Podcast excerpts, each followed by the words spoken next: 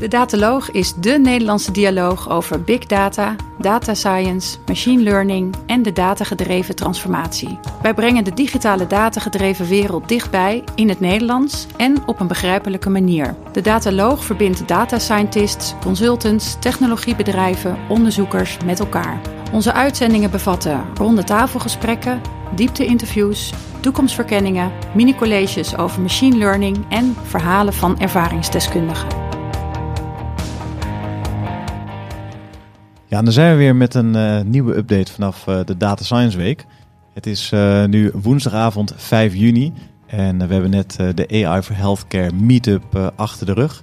En uh, heel leuk, want uh, er zitten twee deelnemers van de meetup hier uh, aan tafel. Dus ik ben heel benieuwd wat ze meenemen. En naast mij zit zoals altijd de allervertrouwde Jurjen. Ja, daar ben ik weer. Ik ben helemaal teruggekomen uit Amersfoort. Ik wil dat vanavond meemaken, de, de, de AI meetup. En met dingen als brainbesturing. En ja, gaaf gewoon. Heel gaaf. Ja, fantastisch. En leuk dat we dus nu ook twee, twee mensen aan de tafel hebben die het meegemaakt hebben. En die ook een, volgens mij ook een medische achtergrond hebben. Laten we beginnen met een kort voorstelrondje. Laten we bij de dame beginnen. Ja, um, ik ben Marisha. Ik werk voor Edens. Dat is een Amsterdamse start-up die uh, longnatuurs detecteert op CT-scans. En ik ben daar machine learning engineer. En vandaar dat deze meetup vandaag voor mij natuurlijk super interessant was. Want helemaal wat Screenpoint Medical doet is heel erg gerelateerd aan wat wij zelf doen. Heel goed. Ja, je wilde wat zeggen? Ja, ik wilde even, wat is je achtergrond? Uh, mijn achtergrond is, uh, ik heb een bachelor en master gedaan in Artificial Intelligence in Amsterdam. Hier in de UvA? Ja, hier in de UvA. Ah, ja. Gaaf. Ja, nu, ja, ja, nu ben jij echt een... Ja, je, je merkt wel, het is nu negen uur s avonds, er zit allemaal een biertje erbij. Gewoon even ontspannen en een, een opname. Vertel, wie ben je? Wat doe je uh, en waarom? Ik ben uh, Arjan. Dag, ik Arjan. Uh, werk bij Quinn. Dat is een, een start-up die een digitaal health platform aan het bouwen is. we zijn hartstikke nieuw, dus je zal nog weinig van ons gehoord hebben. En daarnaast hebben we ook nog een Quinn huisartsenpraktijk. het idee is dus dat wij echt een heel uh, datagedreven platform gaan bieden aan consumenten. Dus echt in de, echt in de breedte opgezet. En daarnaast dus ook uh, diagnostiek willen gaan doen met machine learning. Walter, ik vind het wel heel erg gaaf. Gewoon twee start-ups aan tafel. Je haalt de woorden uit mijn mond. Ja, mag ik, mag ik gewoon even vragen stellen? Vo voordat we over vanavond gaan beginnen. Hey, uh, AI startups, dit is dus zijn hot.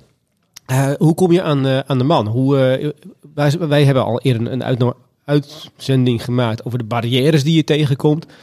Lukt het, lukt het als AI startup aan, uh, om aan lead customers te komen en die met je meegaan en die ook zeggen, nou, dit heb ik ervoor over? Uh, ik begin met de dame, ja. Gooi ja, eruit. Wat wij merken is dat um, je had natuurlijk in de jaren negentig helemaal CAD software wat heel erg opkwam en het werd heel erg gehyped en er was heel veel promise en toen was het, kwam het daadwerkelijk aan de man en toen bleek het allemaal niet zo goed te zijn en niet helemaal op te leven aan de hype. Um, dat heeft een beetje voor een domper gezorgd, maar je merkt nu, er zijn heel veel AI-startups, ook heel veel met AI en medical imaging en uh, er is natuurlijk nog steeds de generatie die het een beetje sceptisch is vanwege de hype die er eerder was. Maar wat je nu ziet is dat ook heel veel mensen heel erg enthousiast zijn. Ze zien hoeveel technologie te bieden heeft. En ze zien ook dat in uh, medical imaging dat natuurlijk heel veel te bieden kan hebben. En zijn heel benieuwd wat er allemaal van kan gaan komen. Ja, dat uh, ervaar ik ook zo. Dus er is een, een, nou, een selecte groep doktoren die dit gewoon ontzettend interessant vindt. En die heel graag met ons wil werken. En het echt bijna staat te springen als je iets vertelt over uh, over AI en machine learning. Vinden, ze gewoon heel cool. En dan kan je ook echt met hun gaan sparren over die inhoud en of het klopt waar je, waar je model mee komt. Dus uh, dat is heel leuk. En uh, tegelijkertijd is het natuurlijk gewoon heel moeilijk. je hebt GDPR waar je rekening moet houden. Je moet al je security goed op orde hebben. je moet ook nog je voorspellingen kunnen uitleggen. je hebt een bepaalde accountability als arts. Dus, dus er komt heel veel bij kijken. Ja. Ja, want even over die voorspellingen uitleggen. Zijn jullie typische deep learning engineers? Of ga, kun je daadwerkelijk met, met, gebruik je modellen die, die ook echt uitlegbaar zijn voor, jou, voor jouw klant? Ja, voor mij zit wij zitten met medical imaging, dus dan zit je gewoon met deep learning. Ja. En dat is gewoon heel moeilijk uit te leggen. En het, je ziet ook bijvoorbeeld dat als je een false positive hebt, als je, je kan tien dingen hartstikke goed detecteren, maar als je ineens een false positive hebt in de darmen in plaats van de long, dan gaat een radioloog daar niet positief op reageren. Dat vertrouwen ze de hele software natuurlijk niet meer. Uh, uitleggen is gewoon heel moeilijk, maar wat je wel kan doen is gewoon goede software maken en bewijzen dat het goed werkt door uh, dat ze herkennen wat je detecteert. En ik hoorde je ook zeggen dat jullie samenwerken met uh, praktijken. Zijn het huisartsenpraktijken waar jullie mee, mee samenwerken, of dat netwerk wat jullie opbouwen? ja, dus wij hebben, ja, wij hebben een netwerk van, van huisartspraktijken die wij ja. zelf eigenlijk ondersteunen. En heb, je ook een, ook... heb je ook een achtergrond als, als huisarts? Of heb je nee, zelf niet. Dus binnen Quinn hebben we natuurlijk medical leads. Die, uh, Uh, voor elk onderwerp wat wij uh, bekijken, uh, gaan zij ook medisch valideren of het ergens op slaat wat we aan het doen zijn. En wat voor onderwerpen zijn dat dan? Waar moet ik aan denken? nou, we willen een holistisch platform bieden. Dus je, je, kan denken aan elk, elk onderwerp. Maar we zijn ook bijvoorbeeld met een aantal orthopedische onderwerpen bezig met, met image recognition. Ja, zoals vandaag hebben we een hackathon gehad over het detecteren van scoliosis aan de hand van beeldherkenning. Zijn dat dan typische voorbeelden ook van use cases bij jullie? Ja, en dat was uh, echt iets waar we heel graag heen wilden. En uh, we hadden helaas een paar belangrijke afspraken staan waardoor we niet konden. Dus we kwamen er net te laat achter. Maar dat was echt zeg maar, voor ons, ja, daar moeten we heen. Uh, maar ja, niet gelukt. Ja, dan waren jullie gewoon een potentiële winnaar als jullie erbij waren. Zeker niet. Nee, dat, zo zijn wij. nee, zo goed zijn we, gaan we wel worden, absoluut. Ja, maar we zijn gewoon ook nog zelf in het leerproces. En uh, ja, bezig dat op te bouwen, die nou, expertise. Die bescheidenheid zie je ook uh, als, ja. als start-up. Ja. En hoe groot zijn jullie? Uh, in, in, in, FTE's, mensen? Ongeveer 20. 20? Ja, we hebben in de laatste maanden echt eigenlijk ongeveer het team verdubbeld. Ik denk dat we nu op ongeveer op 20 man zitten. We zijn ook net deze week verhuisd naar een ander pand. Omdat het vorige pand toch echt te klein begon te worden voor alle developers die we erbij kregen. Dus, uh... En um, hoe zijn jullie gefinancierd? Hoe doen jullie dat? Want ja, dat kan best wel een lastig punt zijn eh, op deze fase in je organisatie. Ja, het is natuurlijk lastig, want je hebt niet in één keer klanten. Je moet door het hele certificeringsproces, eh, CE, FDA heen gaan. En dat kost natuurlijk geld en uh, het kost ook resources. En uh, daarom hebben we investors die uh, voor ons voor de funding zorgen. Ja, is dat bij Quinn hetzelfde?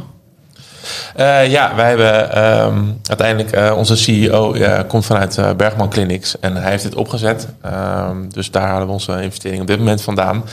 Uh, maar op den duur moet dat natuurlijk uh, breder gaan, uh, gaan komen. Ja, dus het gooien financiert.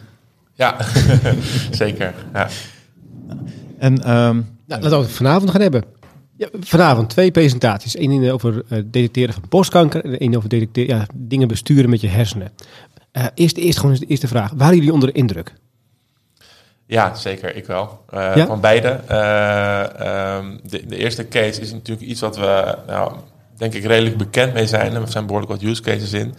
Uh, die tweede wat, uh, wat minder, dus met name die vond ik uh, heel interessant.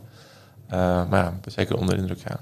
Ja, voor mij geldt ongeveer hetzelfde. Het eerste is gewoon heel similar. Het gaat over breast imaging. Wij doen long imaging. Het is echt een hele similar use case. Ze zitten in 2D, wij zitten dan in 3D. Maar verder blijft het natuurlijk hetzelfde use case ongeveer.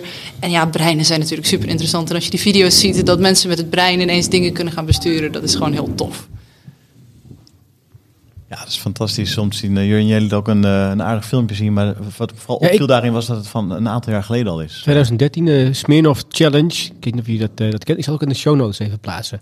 Dan heb je de gehandicapte mensen, kunnen niks meer bewegen behalve hun ogen en hun hoofd. En die willen graag muziek maken. En die krijgen nou zo'n epoch krijgen ze op en die gaan dan house muziek maken. Dat is geniaal om te zien. Maar dat is 2013. ik vraag me af, ja, eh, wat, wat, wat, kunnen we nu met, eh, met, wat heb je gezien wat, we, wat we nu kunnen met die, met die brain uh, besturingssystemen? Nou ja, wat ik heel tof vond om te zien is dat ze het inderdaad echt op locked-in patients proberen te gebruiken. Het is natuurlijk heel tof, het is leuk om spelletjes mee te spelen, maar het is echt mensen die hier wat aan kunnen hebben. Daarop gaan ze steeds meer testen. En, ja. uh, ik denk dat dat een hele vooruitgang kan zijn voor hun levenskwaliteit. Ja, en uh, volgens mij ook wat hij zei is de bottleneck is nog de, de sensor, waar nog veel ruis in zit en je kan niet alles goed meten. Eigenlijk alleen de, geloof ik, de visuele en de motorkwap vond hij... Nou, die geven een sterk genoeg signaal omdat ze groot genoeg zijn dat je er iets, uh, iets duidelijks van kan meten. Ja.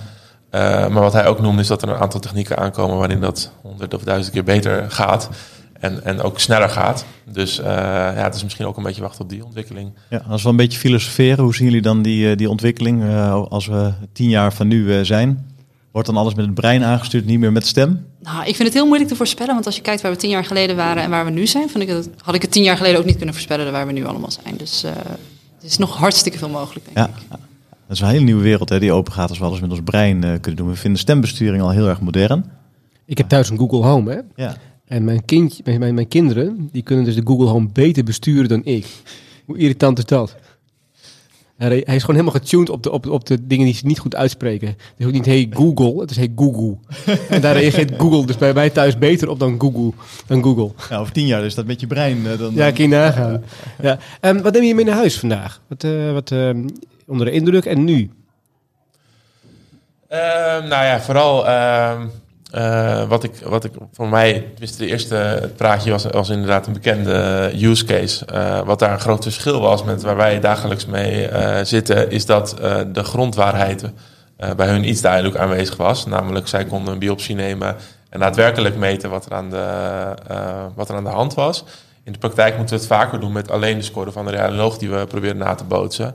Waardoor dat ook ons maximale plafond is ongeveer om, om te scoren. Ik, dus, zie, ik, uh, ik, zie jou, onder andere gast heel hard ja knikken. Ja, dat, klopt. Dat is iets waar we ook heel erg tegenaan lopen. Je hebt gewoon, uh, voor ons is het heel lastig om een ground truth te maken. Ja. Want uh, zelfs als je super experts hebt, mensen die al twintig jaar in het vak zitten, toch kunnen twee radiologen iets anders zeggen. En wat vind je daar dan van? Is dat dan iets wat je moet detecteren? Is dat dan iets wat je niet moet detecteren? Daar kunnen nogal verschillende meningen over zijn. Terwijl in dit praatje hadden ze gewoon, konden ze een biopsie nemen. Dan weet je gewoon of het wat is. En dat is een hele luxe positie om in te zitten. Dat zou ik ook wel graag willen, moet ik zeggen. Ja, ja, voor mij hetzelfde. En uh, ja, wat, wat zij natuurlijk ook heel goed hadden gedaan, ze hebben een use case uh, genomen waarbij bij, uh, elke twee jaar voor elke vrouw zo'n meting wordt gedaan. Dus ze hebben gewoon heel veel data. Ja. En dat is uiteindelijk wel een, ja, iets wat duidelijk is. we weten dat het kan, we hebben alleen de data nodig. En dat is de grote uitdaging. Ik las toch dat een paar weken geleden dat Google deep learning methodes vier jaar tot dat borstkanker ontstaat, het al kunnen ontdekken in de, in de borst. Hadden jullie het ook gelezen? Een, twee weken geleden of zo? Is, is het vergelijkbaar hiermee? Dat we dingen al kunnen detecteren zometeen voordat ze überhaupt gaan ontstaan? Nou, voordat ze gaan ontstaan lijkt me wel ja, moeilijk. Ik maar ik kan me wel heel goed voorstellen dat je al abnormaliteiten kan detecteren die misschien voor het menselijk oog niet per se herkenbaar zijn, maar die wel leiden tot of een indicatie zijn dat er iets gaat ontwikkelen. Ja. Lijkt me ook. En uh, volgens mij uh, zou ze het zelfs kunnen, kunnen testen door dus te kijken van wat nou als ik een twee jaar oude foto gebruik, kan ik dan die reologiescore uh, voorspellen over twee jaar. Het zal niet even sterk zijn, maar... Ik, ik, hoor je als belangrijke uitdaging noemen dat de, de data en databeschikbaarheid heel erg belangrijk is. Hoor ik je eigenlijk allebei noemen. Um, en in het begin van het gesprek zei je ook van de, er is heel veel bereidheid bij huisartsen om met AI aan de slag te gaan. Die staan er eigenlijk om te springen om uh, nieuwe toepassingen te omarmen. Ja, daar zat ik nog even over na te denken. Ik denk, is dat wel zo? Staan huisartsen nou, echt om te springen? Um, ja, wat ik vooral, zeg maar, een gedeelte. En dat gedeelte werken wij mee samen. En daar, uh, daar merken wij dat enthousiasme. Ja. Kijk, iemand die, uh, die daar niet in gelooft, en dat zullen er heel veel zijn, die zullen ook niet zo snel met, met een medische AI-startups uh, samenwerken. Ja, want de uitspraak hè, dat de radioloog over een aantal jaren overbodig is, die hoor je vaak voorbij komen in, in dit vakgebied. En ja, als radioloog uh, sta je dan misschien niet zo te springen om, uh, om AI-toepassingen. Um, dus er gaat een heleboel veranderen, denk, mm -hmm. denk, denken wij allemaal als mensen die bezig zijn met wij technisch, ja, wij technisch, ja precies. Ja. maar hoe is die perceptie aan de, de praktiserende kant? Nou, aan mijn kant is het nog vooral, uh, kijk, die, nog steeds is die AI heel specifiek. Uh, je traint hem op iets waar je een label hebt. Uh, maar wat gebeurt er als je er gewoon een hele andere foto in, in gooit? Die niks met, uh, met, het, met het onderwerp te maken heeft, bijvoorbeeld. Of nou, hij noemde ook hele uh, domme foutjes die de AI nog steeds kan maken. Dus die, die common sense en dat referentiekader wat de mens heeft, uh, daar zie ik niet mega veel ontwikkeling in. In de zin van dat het een radioloog al snel overbodig kan maken. Nee, dat common sense die interpretatie blijft wel belangrijk. En, en AI is in eerste instantie vooral een hulpmiddel om sneller tot de diagnose te komen. Is dat wat je zegt? Ja, dat zou, zou, uh, zo zou je het kunnen samenvatten. Ja. ja. en het aantal oversights natuurlijk te reduceren. Want een radioloog is een expert, maar het is nogal makkelijk als je een hele moeilijke taak hebt, een hele lange werkdag, om gewoon een keertje iets te missen. En het is heel fijn om software te hebben die je daarop wijst of je iets wel gezien hebt of niet. Ja, ja. ja vanmiddag tijdens de, de hackathon hadden we ook uh, twee uh, artsen, orthopedisch chirurgen aanwezig. en die zijn de hele dag bezig met onder andere scoliosis. En een van de uitkomsten uit de challenges was dat er uh, met een behoorlijke waarschijnlijkheid van ja, meer dan 70% richting uh, de, de 85% aangetoond kan worden dat een, iemand uh, waarschijnlijk scoliose heeft. Terwijl de arts zelf met, de, met dezelfde toetsen een lagere waarschijnlijkheid heeft. Dus die voelde zich heel nederig worden daarin. En denk, ja, wacht, hier zit toch wel iets in wat, wat mijn, mijn kennis en kunde gewoon te boven gaat daarin op een bepaald vlak. Ja, ja het, uh, het, is zeker een bekend, uh, bekend fenomeen. En nou ja, ik kom een beetje terug op wat ik, wat ik eerder zei: van dat vaak de mens en de computer samen toch, toch altijd de beste, beste scores haalt. En dat Voor mij zie je het zelfs terug in onderwerpen als, uh, als schaken en, en, en, ja, een hele heel wijd scala aan onderwerpen. Dat, dat zeg maar die hybride mens-machine heel goed werkt. Ja, het lijkt me een prachtige conclusie van, van een mooie avond. Ja, het is een bedreig, geen bedreiging, het is een hulpmiddel. En ik denk dat heel veel ook wel het bereid zijn om het op die manier te zien. En nog even uh, een stukje start-up reclame. Waar kunnen we jullie meer informatie vinden over jullie start-ups? Nou, wij hebben nog geen website. Dus nog geen website? Jeetje. Ik zat al even te googlen, maar ik kan, kwam Quinn online nog niet tegen. Denk. Ja, onthoud de naam Quinn goed. En ja. uh, nog eind van het jaar... Q-U-I-N-N, ja.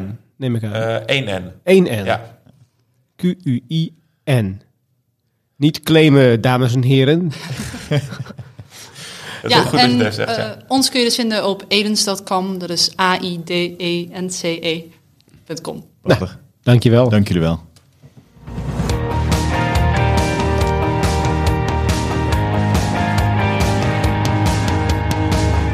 Bedankt voor het luisteren naar deze uitzending van de Dataloog podcast.